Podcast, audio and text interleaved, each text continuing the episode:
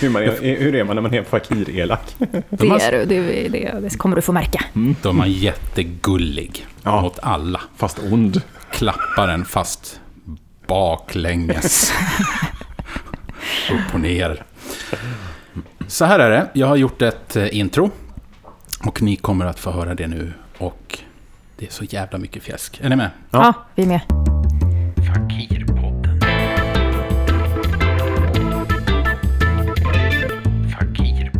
Fyra gånger i mitt liv har jag blivit riktigt starstruck.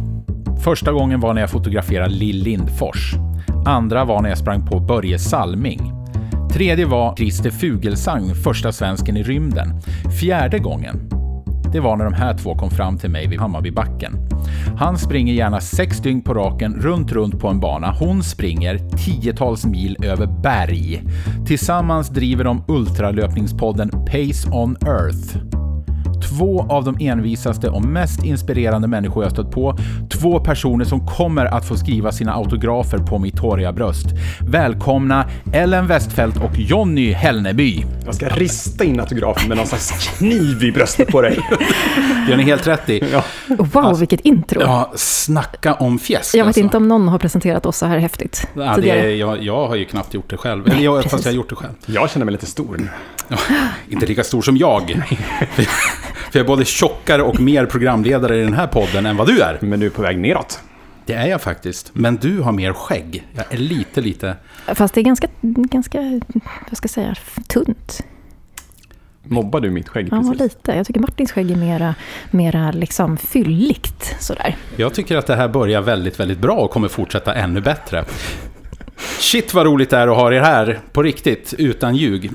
Det här är alltså två stycken av mina idoler som sitter mitt emot mig eh, och, eh, och vi ska prata om ultralöpning av allt i hela världen. Alltså, era, ni, ni är ju på många sätt eh, helt fantastiska. Och på andra sätt är ni ju faktiskt fullkomligt sinnessjuka. Jag, tror du Jag håller inte med riktigt. Nej, nej, nej, alltså inte sinnessjuka. Alltså, Alltså. Eller jo, sinnessjuka. Vi är ju egentligen inte ganska riktigt. vanliga. Ni Jag tycker också vi är precis som alla andra. Man liksom, ja, man äter sin broccoli, man springer sina eh, 20 Sina pass. mil, man, ja, man tar, klättrar ett berg och ja. ja, de där gamla, gamla grejerna. men sen att man hittar någonting som man gillar eller att man vill utmana sig själv eller testa lite vad man går för. Det, det är också ganska vanligt. Vet du Johnny att jag är ganska likadan? ja, precis. Du, så du är också ganska vanlig. Jag är också ganska, vi är ganska vanliga människor som sitter här. Ja. Nej men, jag eh, träffade ju er genom att jag på något vis började med löpning. Vi träffades genom eh, en gemensam bekant, Daniel Karlsson, som har ett träningstrolleri. Ett väldigt lökigt namn, men fantastisk filosofi.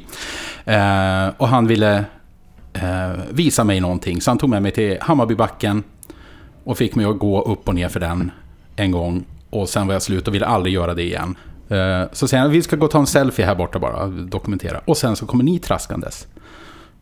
Och då blev jag som en liten så här, du vet, småpojke. Ja, men du såg ut som att du blev glad. Vi kände ju inte dig då alls. Faktiskt. Fast vi hade sett dig på film tror jag. Ja, för vi hade sett Ja. eh, typ första avsnittet av en liten dokumentär som Daniel, Daniel hade visat det. om din träningsresa. Mm. Vi kan lägga ut en länk till det sen här i, i beskrivningen av podden. Och jag visste ju vilka ni var.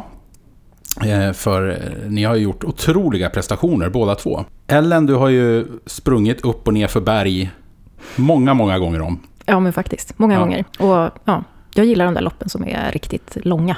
Och jobbiga och grisiga och tekniska. Så.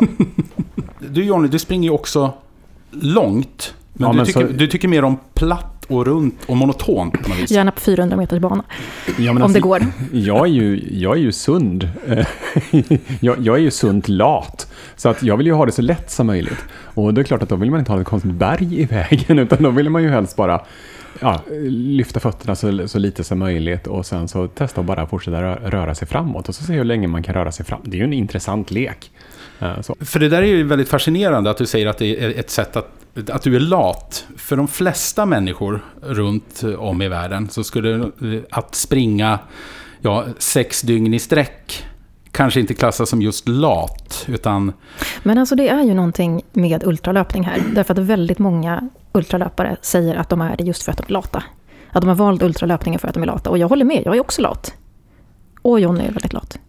Ja, men, och, det, och det är inte osant. Eh, vilket, vilket är lite märkligt. Men det är också häftigt att hitta någonting som fortfarande är fruktansvärt utmanande fast man hittar en annan utmaning än att man måste ta i så mycket som möjligt under fem minuter eller vad, nu, vad man nu gör när man springer. Det är väldigt lite blodsmak och eh, svett som sprutar ur pannan liksom, i ultralöpning. Det är mera mentala och inre Eh, kamper som man för. Och de kan ju vara väldigt häftiga i sig.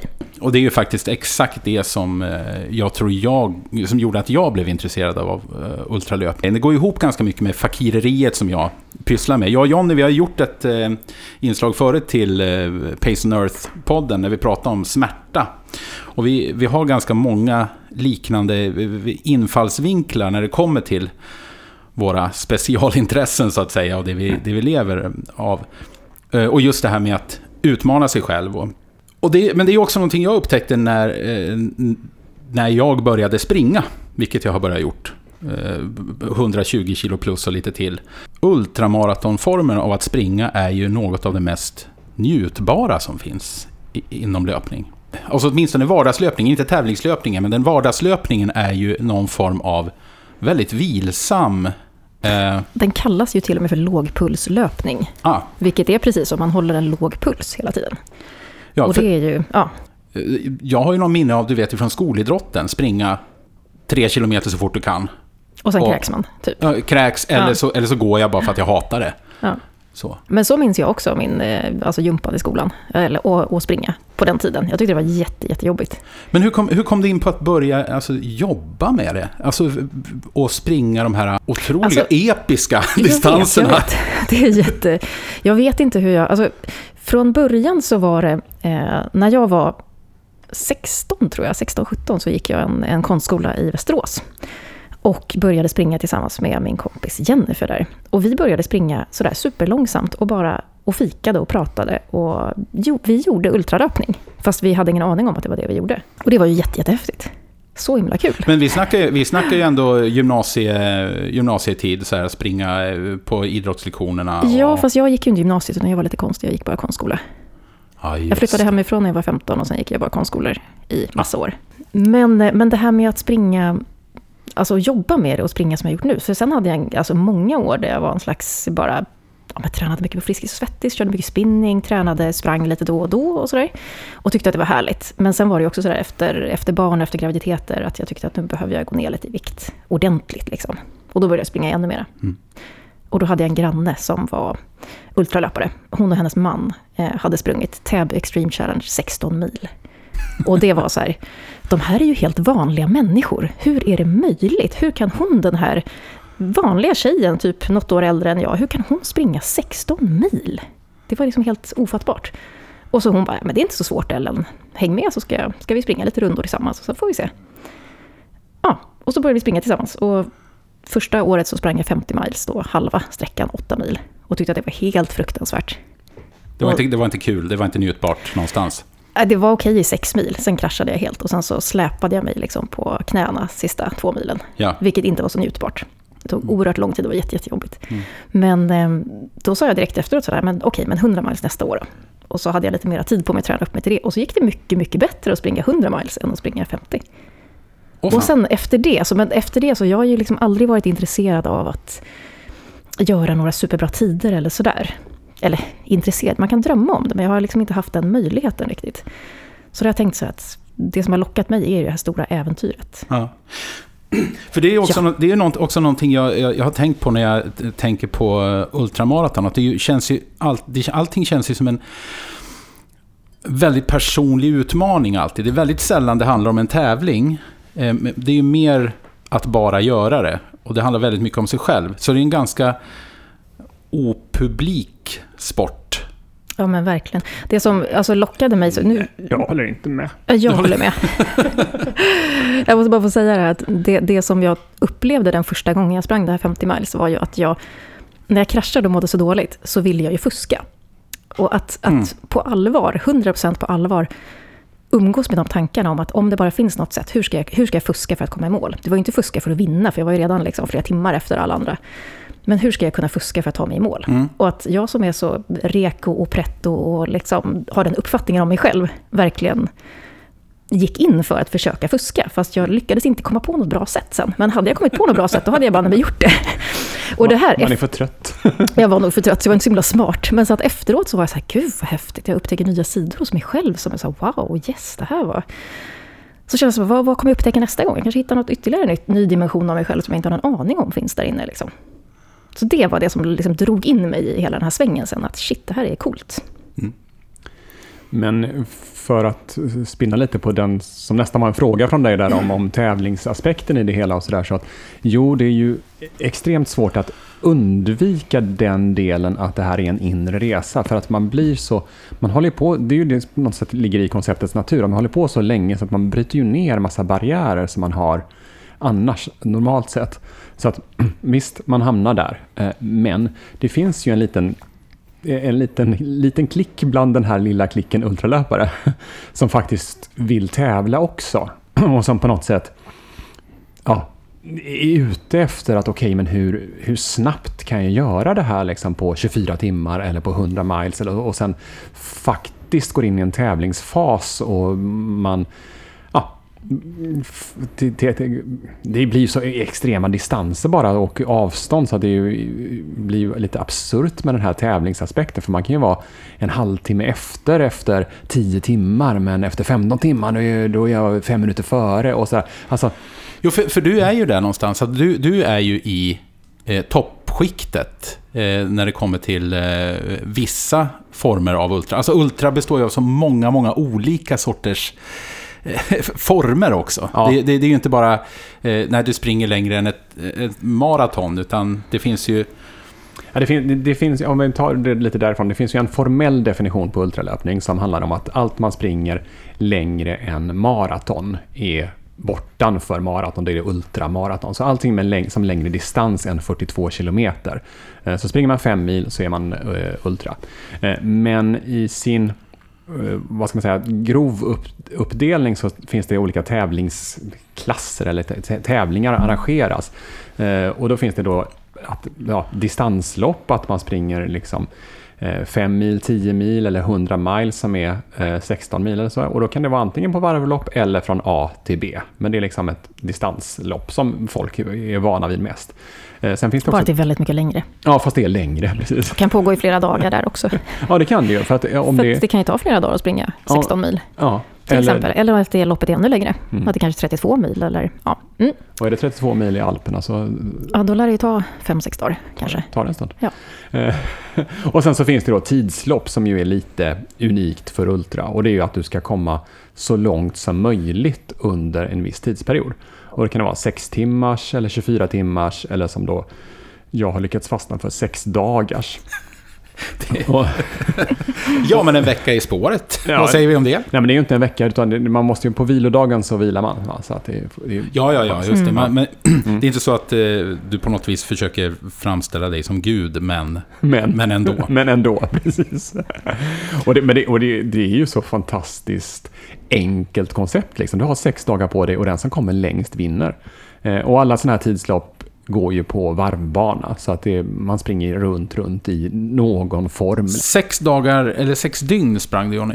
Ja, det har ju blivit min huvuddistans på något konstigt sätt. Paradgrenen. Paradgren är eh, sex dagars. Eh, jag tycker att om man kan välja paradgren så är det lättare att välja någonting som är lite kortare än sex dagar. Jag skulle kunna tänka mig 50 meter. ja, ja, absolut, absolut. Men det är så svårt att bli bäst i världen på 50 meter, tänker jag. Ehm, mm. Och så därför så, så har jag letat med, med ljus och lykta efter, okej okay, vad, kan bli, vad kan jag bli bäst på? vad kan jag bli bäst på och samtidigt vara latast med? Jag vill springa skitlångt. Eh, väldigt sakta, men... Men länge. Ja. ja och grejen är mm. att den eh, sex dagars du körde nu, ja, vad hände? Eh, jag körde en i USA då i maj eh, 2018 blir det väl. Ja. Eh, och eh, det var min tredje och jag siktade på liksom rekord. Eh, så. Mm. Eh, svensk rekord eh, skulle jag ta. Och vad, vad låg det svenska rekordet på? Det svenska rekordet låg på 87 mil på sex dagar. Så, så jag tänkte att jag skulle springa längre än det, helt enkelt. Så du sprang Så jag sprang 88. 88. det räcker liksom att slå det med 100 meter så har alltså, man slagit det. Men i alla fall. Det låter som en Boka-höjning så här liksom med någon centimeter i taget. Men, men alltså på riktigt så är det en mil och det är inte så jädra dåligt ändå. Nej. för, för du siktade väl ändå på 90 90? Jag siktade på 90, mm. uh, gjorde jag. Så jag hade planen för uh, 90. Men... Uh, alltså vädret. Den, det, det, det, kom ju en slags storm så att soptunnor och grejer bara flög över banan. Och som gjorde att du var tvungen att stanna inne i husbilen i flera timmar. Ja. Och vänta ut det där vädret. Så att hade man liksom plockat bort det där, då och hade så, det ju nått 90. Eller hur? Och sen, och sen regnade det fyra dagar efter det. Ja, nej men det är... Ja, men, men, men när bestämmer man sig då för att nej, jag går inte på 90 mil, jag går på 88? Åtta. Alltså. ja, egentligen så tog vi väl inte riktigt ett beslut på det sättet, utan vi försökte, gjorde bara allt vad vi kunde för att hålla planen så mycket som möjligt. Uh, så, och då, då, hade jag ett ganska så, liksom, snyggt schema på, okay, men vad ska jag göra? Jag hade arbetspass på fyra timmar i taget. Uh, och så under, ett, under en fyra timmars period så skulle jag liksom ja, ta mig en viss eh, sträcka, äta en viss mängd kalorier liksom, och äta riktig mat däremellan och få lite, få lite fotmassage av min support Lotta.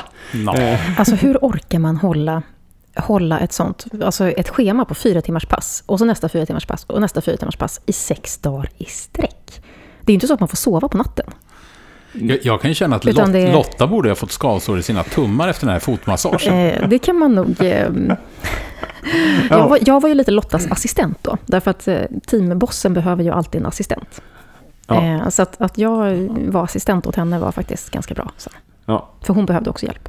Ja, men det blev ju för att klara det här. Det var ju, alltså, vi var ju allihopa liksom ganska möra då efter de här sex dagarna. Och, men framförallt Lotta och du, för ni hade ju gjort det tillsammans. Det är ja. det som är grejen. Utan henne så hade det inte funkat alls. Nej. Det inte hänt hade, hade det inte funkat lika bra om, om du var support? Nej, alltså jag har ju varit support på de två tidigare loppen. Mm. Och det har ju gått bra, men inte gått lika bra. Faktiskt. Och, det, och det grejen är att när man är så pass nära varandra, eh, så att man lever ihop och du kommer in i tältet Jonny eller någonting liknande och säger att ah, men nu känner jag mig lite, lite krasslig, lite, jag känner mig lite febrig och sådär. Och då blir ju jag liksom, jag bryr mig om dig på riktigt. så att jag blir ju sådär. medans, eh, så, medans Lotta då stoppar en termometer i munnen på dig och säger ja, ah, du har ju bara 37,8, ut med dig igen. Det här är inte ens feber. Liksom. Det är det som är skillnaden och gör, gör hela grejen. Att hennes stora mål var, med det här var ju inte att du skulle må bra, utan du skulle ju ta ett rekord. Ja. Och hon skulle hjälpa dig i det. Yes. Medan mitt, mitt blir ju alltid sammanblandat med massa andra känslor, vilket gör att det blir trixigt. Liksom. Så det, så, ja. så, man, ska, man ska ha en support som både älskar den och lite grann hatar den? Ja, men gärna vill plåga en lite. Något åt det hållet mm. faktiskt. Åh, jag skulle, jag alltså, skulle bli din bästa support. ja, men alltså den symbiosen är ju rätt så fantastisk. Uh, så, och, det, och, det var och det är klart man kan bli lite, jag kunde bli lite, lite svartsjuk där och känna, ja men du och Lotta, ni var ju så nära varandra där. Men, alltså, men det, kunde vara, det var också värt det på något sätt. Ja men det blev ju så, vi teamar ju verkligen ihop. Jo men verkligen. Uh, så, så att uh, där... Men det är fint också. Ja. Det är värt det och det är fint. Och det är ni, ni kan ha ett okej, öppet liksom. förhållande i spåret, så att säga. Exakt. Ja. I spåret har vi ett öppet förhållande. Ja. Där kan vi dela med oss av våra, små, våra Innersta. graser. Men eh, du har ju ett mål du siktar på fram emot hösten här. Ja, också. Eh, det är för att i augusti i USA så har man drag, arrangerar man en eh, ny sexdagars tävling. Eh, och det här är ett litet historiskt tillfälle, något som liksom nästan inte har hänt sedan slutet av 1800-talet kan man säga. Eh, för att man försöker dra ihop de allra, allra bästa i världen till en och samma tävling för att verkligen ha optimala förutsättningar för att sätta rekord.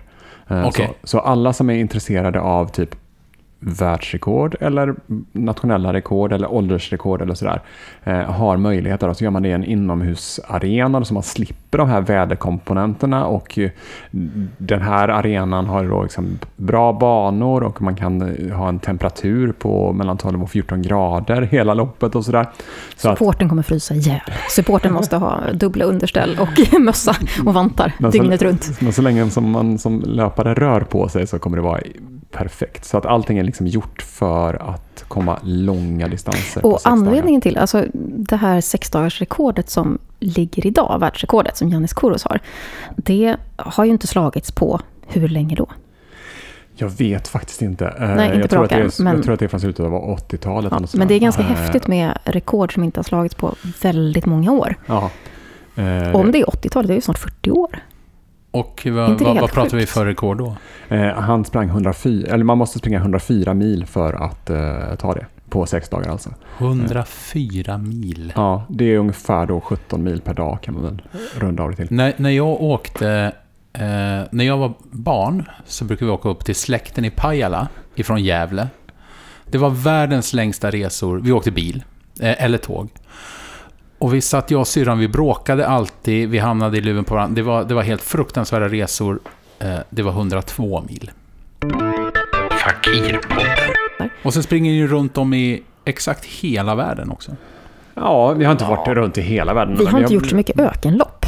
Nej. Det har vi inte varit så himla lockade av. Men eh, folk som har varit runt och eh, rest i världen. Jag har en syster syrran, hon har eh, påbörjat någon form av jorden runt-resa. Väldigt, väldigt eh, förvirrande. Men vi kan ju lyssna.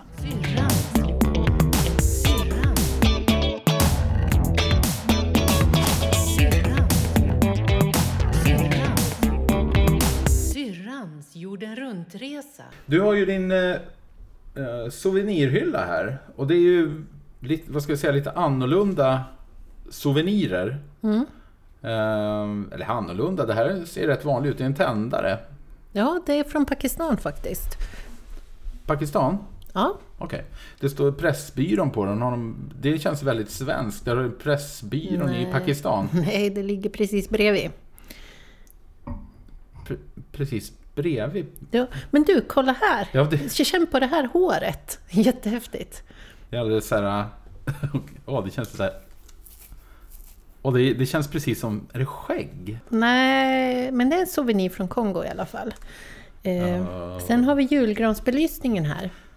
Thailand tänker man på lite grann. alltså, det märks att du inte har rätt. Det är från Grekland.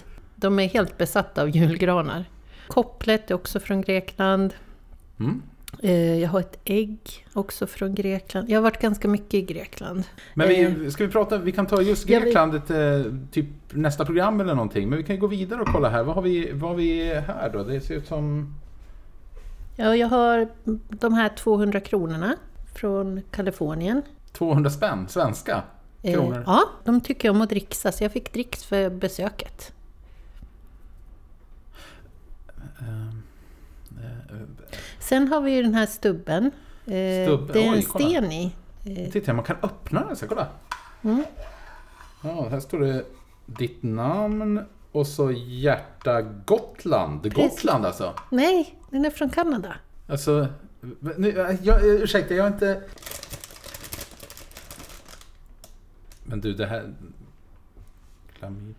Det här är alltså, du har testat positivt för klamydia. Är det här någon det, det, här, det har hamnat fel lite grann va? Nej, det är faktiskt en souvenir från Storbritannien.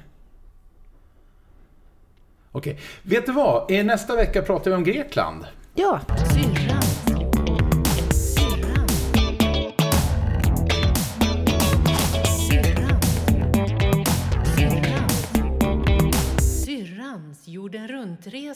Nej, så, så, förutom de eh, tidsloppen och distansloppen så finns det ju nu då bland annat backyard. Och, ja, och backyard är egentligen nästan också det en del av ett koncept som heter typ last man standing. Ja. Eh, för vi kan ju kalla fotrally för ett sånt last man standing-koncept eh, också.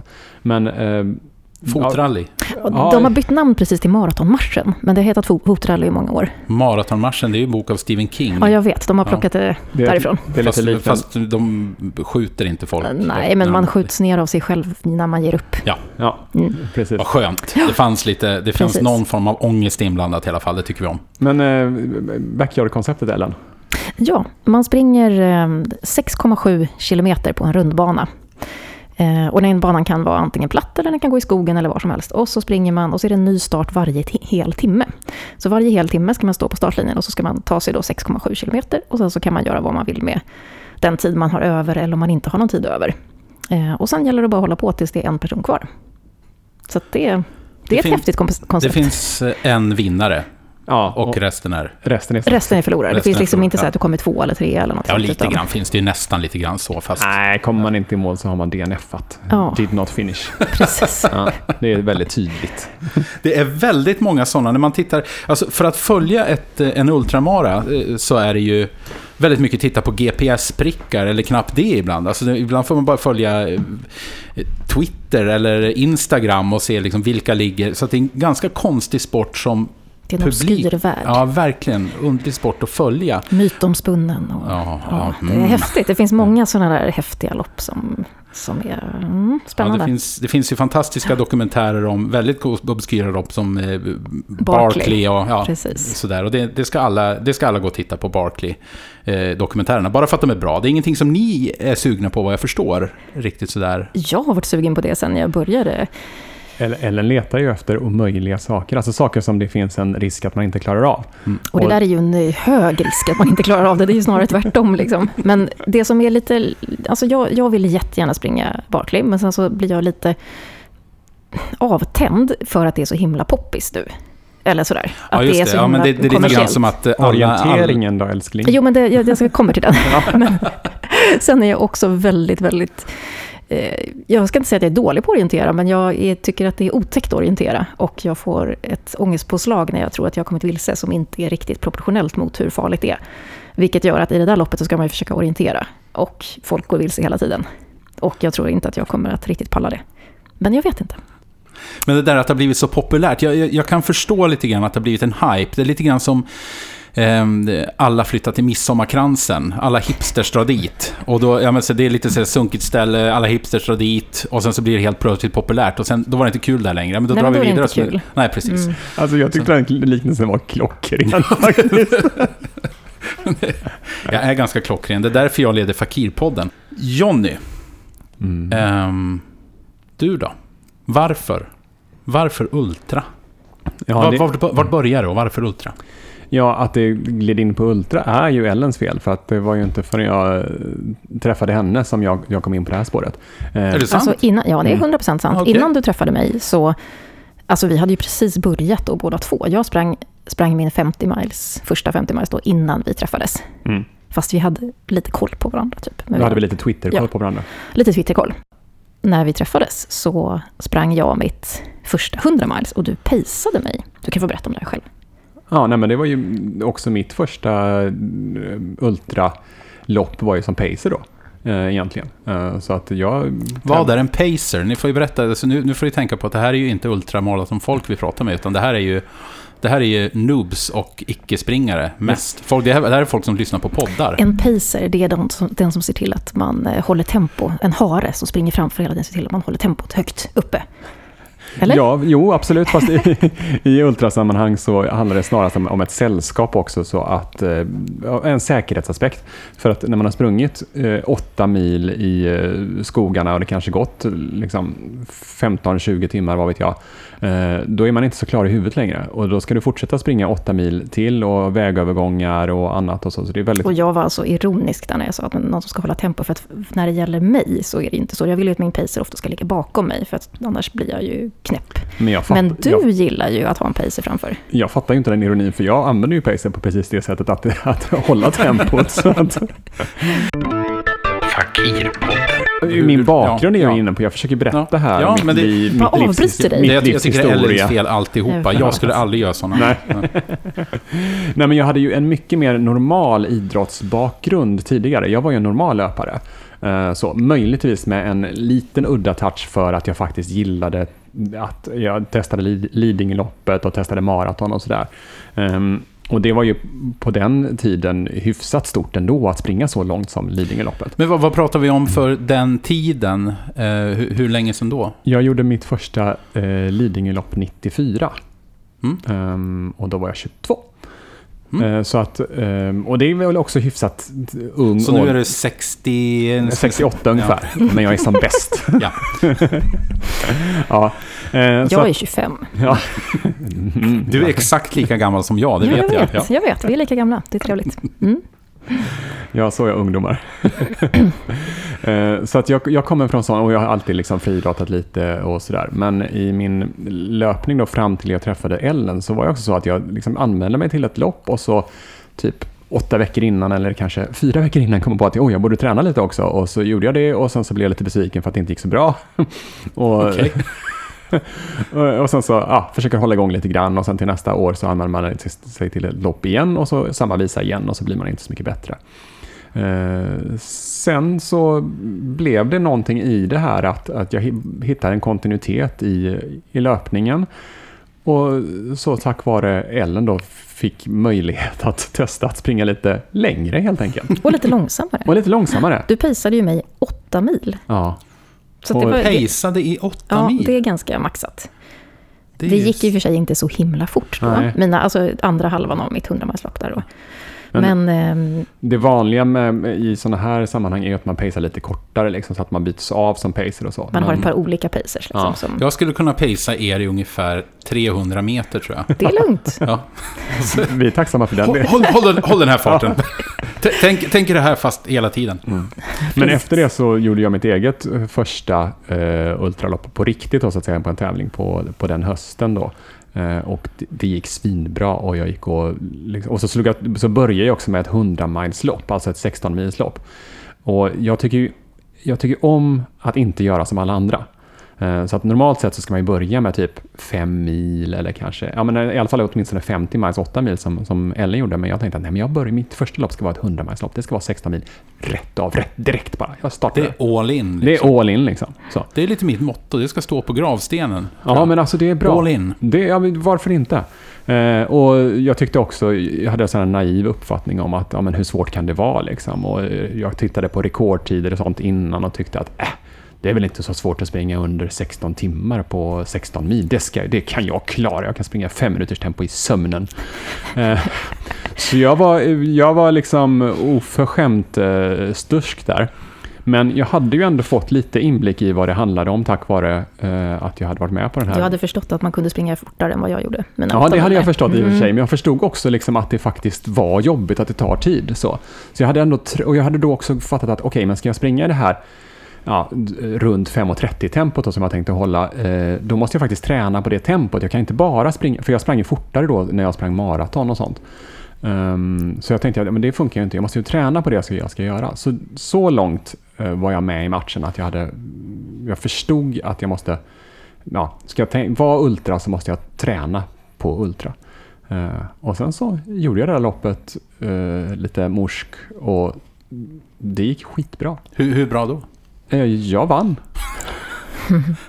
och gick in då, då på, den, på den då tredje bästa tiden i Sverige. Genom tiderna. Genom ja. tiderna, efter Rune Larsson och Jonas Bud bara. Ja, Rune liksom. Larsson, den gamla legenden. Och ja. Jonas Bud som är liksom, har tidigare världsmästerskap på 100 kilometer och sådana grejer. Ja. Så det är ganska coolt. Så Sen det var, efter det... det var en bra start. Efter det så har det ju rasslat till. Jag har det. Ja, men i alla fall, det var väldigt coolt. Och det jag tyckte något av det coolaste där var ju att du verkligen gjorde det här Alltså hur svårt kan det vara? Och när du satte ihop ditt team så var det också så att du plockade människor till teamet som inte hade någon aning om hur svårt det egentligen var. Nej. Och det var ju en nyckel för att klara Jag var ju, en, var ju den enda i teamet som visste att det här var svårt. Ingen annan hade någon aning om det. Och jag sa ingenting till dem att det var svårt. Utan jag, Nej, jag, alltså, jag var införstådd med den liksom, ja, det var ju, det taktiken. Var ju, det var ju löpare, så de hade sån här vanlig kännedom om att jo, men det är klart att det är svårt att springa 16 mil. Så. Men de hade inte den här attityden som man nu, som lite ultraräv, så mot, mot de som springer 16 mil för, för, första gången, så ser jag på dem efter två, tre mil att ja, ja, ja, det där är för, det där är för högt utgångstempo, det kommer, det kommer gå åt helvete. Eh, den attityden hade inte vi i teamet. Um, utan vi bara bestämde att det här ska, nu kör vi på det här. Den här är planen och... Och Ellen satt där och bara tuggade på knogarna och ville inte säga, för att inte säga någonting. Ja, men, ja, men ju på något vis så, jag trodde ju också på att det här skulle gå. Du trodde ja. också på mig där. Ja. Det pratades ju ganska mycket om löparmage. Vad är löparmage och hur hanterar man det? Vill du verkligen, vill du verkligen prata om det här? Det är klart jag vill prata om. Det är sånt här folk gillar. Nej, det är sånt här folk inte gillar. Jo, men det gör det. Det är sånt här som gör, eh, alltså det är såna här ämnen som gör att shower som jag gör är intressant. Det är den här äckelfascinationen över... Eh, Men ja. alltså det behöver ju inte vara så himla äckligt. Men jag tycker att på ett lopp som vi har gjort där i USA så har de en sån här plansch där det är en liten, eh, de har använt sån här mem på en bebisillustration som ni sitter och gör. Bara, wow, sån här Yes, jag klarade det liksom. Yes, jag klarade det. Och då är det, eh, rubriken är på något sätt Yes, farted, did not poop in my pants. Ja. Det, och det är liksom ultralöpningens eh, själ lite grann. Att man... Eh, jag har inte riktigt koll där hela tiden kanske. Nej, men här har vi ju en stor skillnad mellan oss. Därför att din superkraft, Jonny, ja. den enda, nej kanske inte, men, men en av dem är ju att du kan prutta medan du springer. Ja.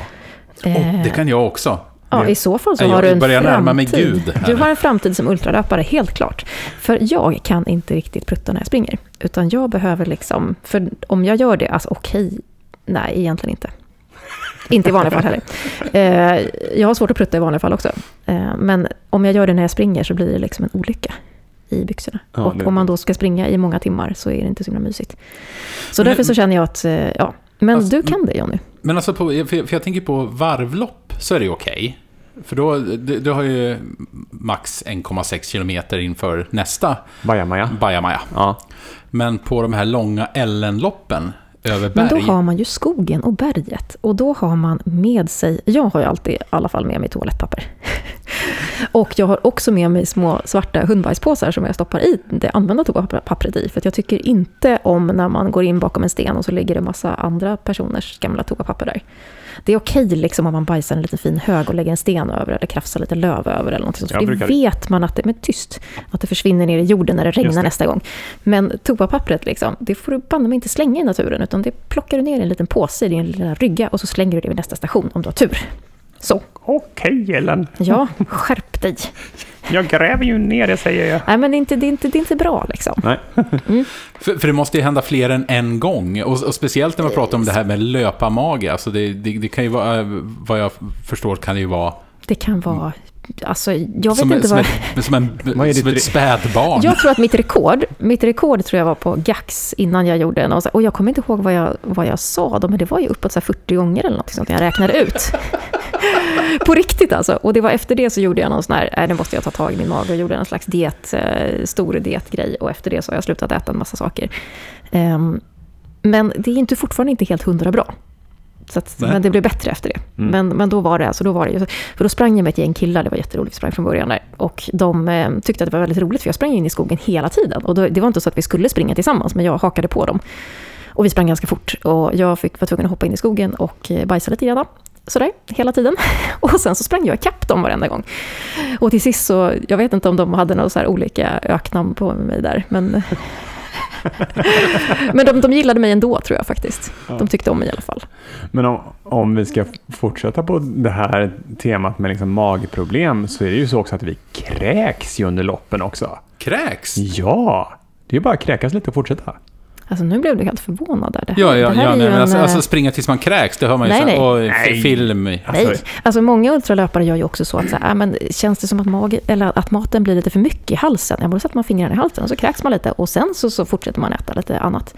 Nej, men, och när man springer ultra då måste man ju äta under tiden hela tiden. Exakt. Man äter hela tiden och springer hela tiden. Så ibland blir det lite för mycket bara. Ja, alltså ni är ju som robotar. Alltså, ni, det, det som... På vissa, jag måste bara, på vissa sådana här eh, ja, inomhuslopp på bana så står det sådär skyltar eller man får information innan att försök använda papperskorgarna till att kräkas. Inte, kräks inte på banan vänligen. Därför att det blir så jobbigt att städa upp det. Och det är många som kräks liksom många gånger. Det är inte bara så en eller två gånger, utan det är kanske också uppåt 30 gånger. Liksom. Så att, eh, då kan det vara bra med lite information om att vi har placerat ut papperskorgar var tionde meter. De kan ni använda. är, är, alltså det är sant. Är du nöjd med äckelkvoten nu eller? alltså jag är så glad. Eller, eller, eller ska, ska, vi gå till blåsor och sånt också? Ska vi, ska vi prata fötter? Ja, vi kan, ja, jo, på riktigt. Ja, det kan vi göra. Vi, kan, vi, vi sa ju att vi skulle prata om så här skrev och ja, smörja in sig och sådana grejer också. För att, ja, för att eh, alla, alla har ju varit med om, eh, om man går lite för långt, eh, så här, jägarbränna, eh, hur, att man får skavsår mellan låren, åtminstone jag som är 120 kilo, men, eh, plus ska jag också säga. Ehm, men... Man kan få både mellan skinkorna, mellan låren och under armarna. Man kan få på alla möjliga spännande ställen. Mm. Johnny, berätta mer. Eh, va?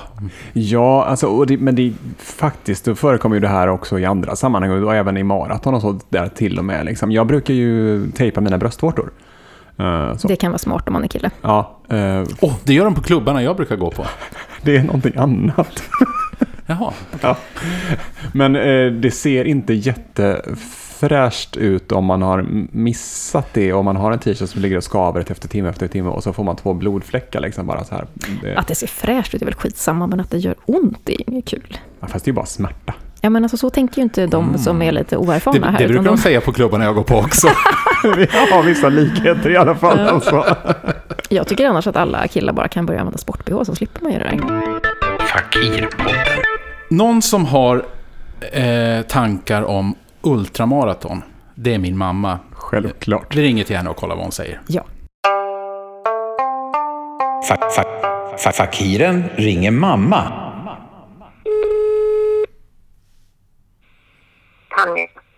Hej mamma.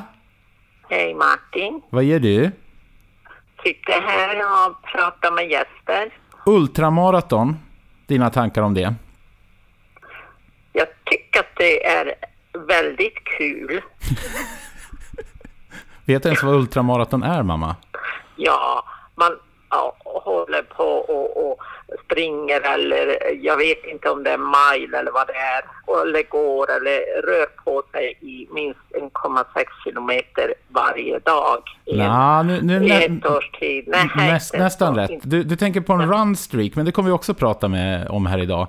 Men en, ja. en ultramaraton är alltså när man springer eh, längre än ett vanligt maraton. Så över 4,2 mil, så säg att man springer kanske så. 10 mil istället. Eller, eller, ja, vad tänker du om det? Ja, jag beundrar ju de som orkar göra det, men jag gör ju inte, skulle aldrig orka med det. det ju, hur, långt har du hur långt har du sprungit som mest? Eller som längst? Åh herregud, det, måste, det är nog inte mer än tre kilometer när jag, jag för en 30 år sedan.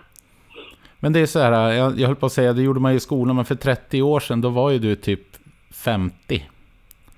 Så Nej men, det. Ja men i 30-årsåldern då, ja men jag är 30, ja men det stämmer ja. Och då, då kunde jag vara ute och springa i Hemlingby och där en tre kilometer sådär. Ja, men det är väl, det är väl sådär lite lag... Det är väl så lite man tänker, tänker jag, om när man är ute och springer. Att men då springer man tre kilometer, man springer fem kilometer på en slinga sådär. Eh, ja. Och sen, och sen så en gång om året så är det några stollar som springer Stockholm Marathon liksom. Det skulle jag kunna tänka mig att göra om jag var i den, eh, i den åldersgruppen och i den, att jag hade den eh, konditionen eller vad man nu ska säga.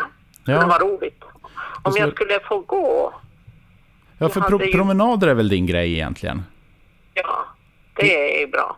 Ja, men jag, jag, tycker det också. Och grejen är, jag ska, jag ska inte säga det här alldeles för högt nu så de hör här, eh, Jonny och Ellen som jag har på besök i studion. Men eh, de springer ju inte särskilt fort alltså. Det går ju nästan Nej. i promenadtempo ibland.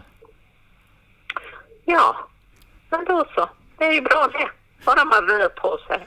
Men du, jag har börjat, börjat med det nu. Vi är ute minst en och en halv, två kilometer varje dag.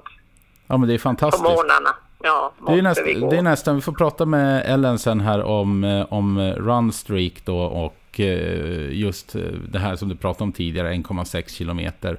Ja, det är det jag tänker på, att det vill jag göra nu i var eviga dag i ur och skur, minst 1,6 kilometer. Det vore helt och fantastiskt. Bli med och var eviga dag nu ett års tid i alla fall. Det har jag bestämt mig för. Det är så? Det är helt fantastiskt? Ja, jag har bestämt mig för det. Ja, men det är ja. helt magiskt. Vilken, vilken eh, kanon... Vad heter det? Kvastilda tänkte jag på. men det, det är ju halt och jävligt nu, men vi har, ja. vi har broddar så det, det går bra det ja. Broddar is the shit kan jag säga. Mm. Men du, kära mamma. Eh, är det ja. någonting som du vill hälsa till Jonny och Ellen här i studion? Eller någonting du vill fråga dem om? Nej, inget särskilt mer än att fortsätta med det, men ni behöver inte springa så fort. Det räcker med bara röra på sig. Och det vet jag ju att ni gör. Tack mamma, vi hörs ja. av. Ha det fint. Ja. Kram. Ha det bra. Hej. hej. Fak, fak, fak, fakiren ringer mamma. Ja, alltså hon är briljant. Eller hur? Ja. Hon ska göra en runstreak. Hon gör i princip en promenadstreak. En walkstreak, det gör min mamma också. Ja. Alltså jag blir lite stolt. Ja. Jag alltså. känner mig som att det är jag som är upprinnelsen till att eh, din mamma gör en walkstreak, Jonny, och att kanske i förlängningen din mamma gör en walkstreak också.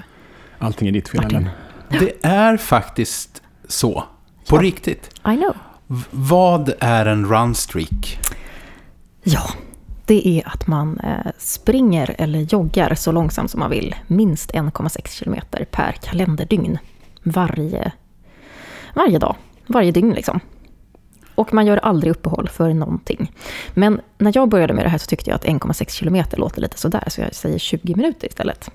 Och så ser jag till att komma minst 1,6 km på den tiden. Men det här med 20 minuter är ju något som jag hittar på själv. Som många har tagit efter och det tycker jag är jätte, jättebra. För jag tycker hellre att man Alltså det är smartare att satsa på 20 minuter än att riva av 1,6 km så fort som möjligt när man är stressad. För det är just den här dagliga rörelsen i minst 20 minuter som är det som är poängen med en runstreak. Mm. Får vi fastna lite i runstreak? Eh, Absolut. Det är... för jag, tycker, jag är också rörd över att höra det här från din mamma, liksom, som uppenbarligen inte har löpningen högst på sin agenda annars övrigt i livet. Eh, men att det fastnar och att det var verkligen inte det det, det, är klart att det fanns människor i detta land som sprang i princip varje dag innan Ellen började med det. Eh, men runstreak som begrepp fanns inte.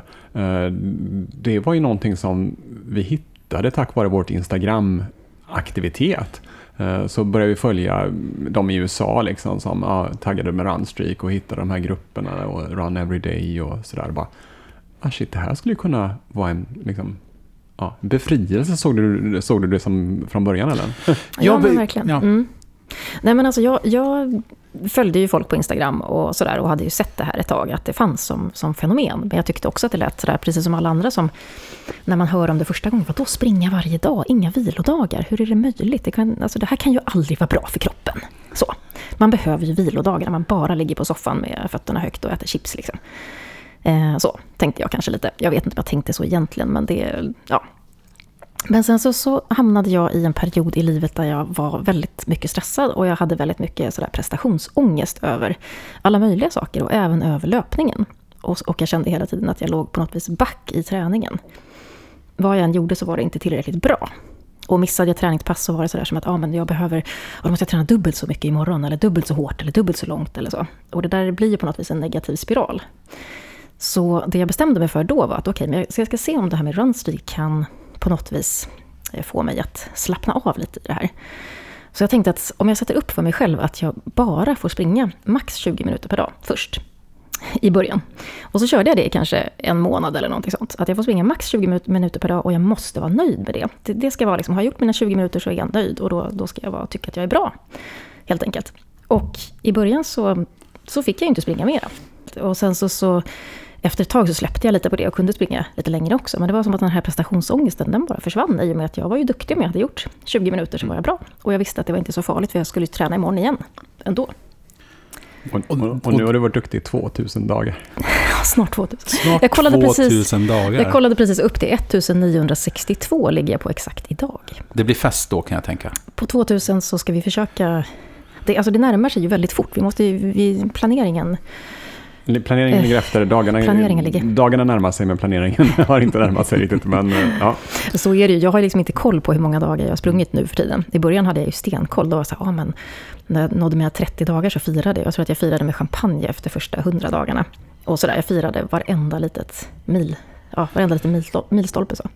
Och nu så är det bara så jag kan missa 1500 dagar eller jag missar liksom för att jag inte har koll riktigt. Eh, jag var ju tvungen att bryta min runstreak förra gången efter 63 dagar på grund av att jag gjorde illa mig. På grund av att du fick ont? Jag fick, Faktiskt, jag fick ont. Åh, stackars liten. Vet du, jag kan muta Johnnys kanal här. vi ska se. så, men... Eh, Nej, men Fakiren lyssnade inte på vad vi sa. Vi sa spring inte så långt och inte på asfalt. Och inte när du är tjock, gubbe. Nej, så sa vi inte. Men vi sa att du kanske ska vänta med att springa de här millånga passen på asfalt tills du har tränat upp dig lite, lite, lite, lite mera bara. Det var ju faktiskt, jag går ju all in som vi pratade om tidigare. Mm. Jag är ju så, jag går ju all in på det jag gör. Det Men det är faktiskt tillräckligt all in att bestämma sig för att springa varje dag. Oh ja, oh ja. Det, det, var det väl du kanske inte riktigt fattade? Eh, nej, men, men eh, sen så vill man ju prova. Jag måste ju också testa min kropp hela tiden. Jag måste se vad går den här för. Mm. Eh, och det är ju därför jag jobbar med det jag gör också. Jag jobbar med att köra nålar i kroppen. Jag jobbar med att uh, köra ansiktet i krossat glas och käka glödlampor. Eh, och, och jag måste också testa, funkar min kropp som alla andras? Eller är jag en superhjälte? Är jag Gud som kan vila på den sjunde dagen? Ja, det, det var jag det. Nu blandar du ihop oss där. Just det, förlåt. Jag är Fantomen. Jag har varit nere och frågat eh, lite folk på stan. Om vad det där med löpning är egentligen, ja, eller? Ultralöpning? Löpning. Men eh, vad som skulle kunna få dem att springa 10 mil. Oh. Spännande.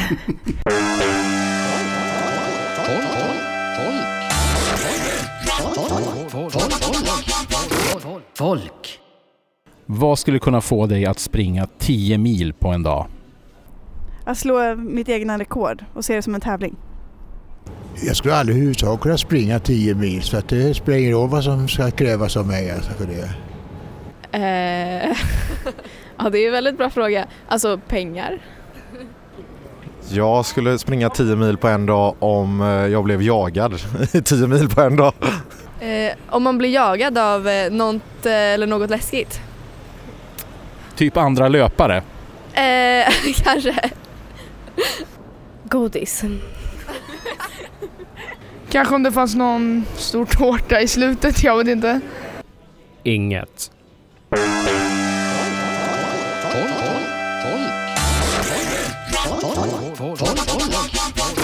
Folk. Det var inte så många som sa att det var omöjligt. Ingen som sa att... Ja, det var, det var två. Det var en. Två. Ja. jag hörde bara en i början där som sa att ja. det inte hans och sen, och sen den liksom. sista som faktiskt är en vän till mig, Emanuel. Och ingenting skulle få honom att springa tio mil. Nej, men han sa inte att det var omöjligt. Nej. Nej. Eh, och de flesta vill ha godis. Mm. Och, och, det är och godis det, är ju ja. det som finns på ultralopp. Hur mycket som helst. Och man, man, och man får äta. Det var lite det jag tänkte säga. Det, det, känns ju inte som att det skulle vara så svårt att få de här att springa 10 mil någonstans. Och ni kör, det här, eh, eh, jo, det tänkte jag faktiskt komma in på. För ni kör ju en 10 eh, mil på 10 månader. Ja, inte riktigt så, men... Vi har ett coachingprogram som heter 10 månader mot 10 mil. Ja, okay. Yes. Mm. Så det räcker liksom inte att springa 10 mil under de här 10 månaderna. Man, man behöver springa lite mer. Så att man i slutändan av de 10 månaderna så kan man göra ett examensprov och springa 10 mil på en gång. Mm. Om man har följt det här riktigt bra. Får man ett diplom? Eh, vi har faktiskt inte gjort något diplom än, men det borde vi göra. Det borde vi göra. Det, borde det var, det var alltså, en fantastisk jag, idé. Ja, jag ska, om jag ska vara med, då mm. ska jag ha ett diplom. Det kan ja. du få. En pokal eller diplom. Alltså det, det, det är därför man gör det.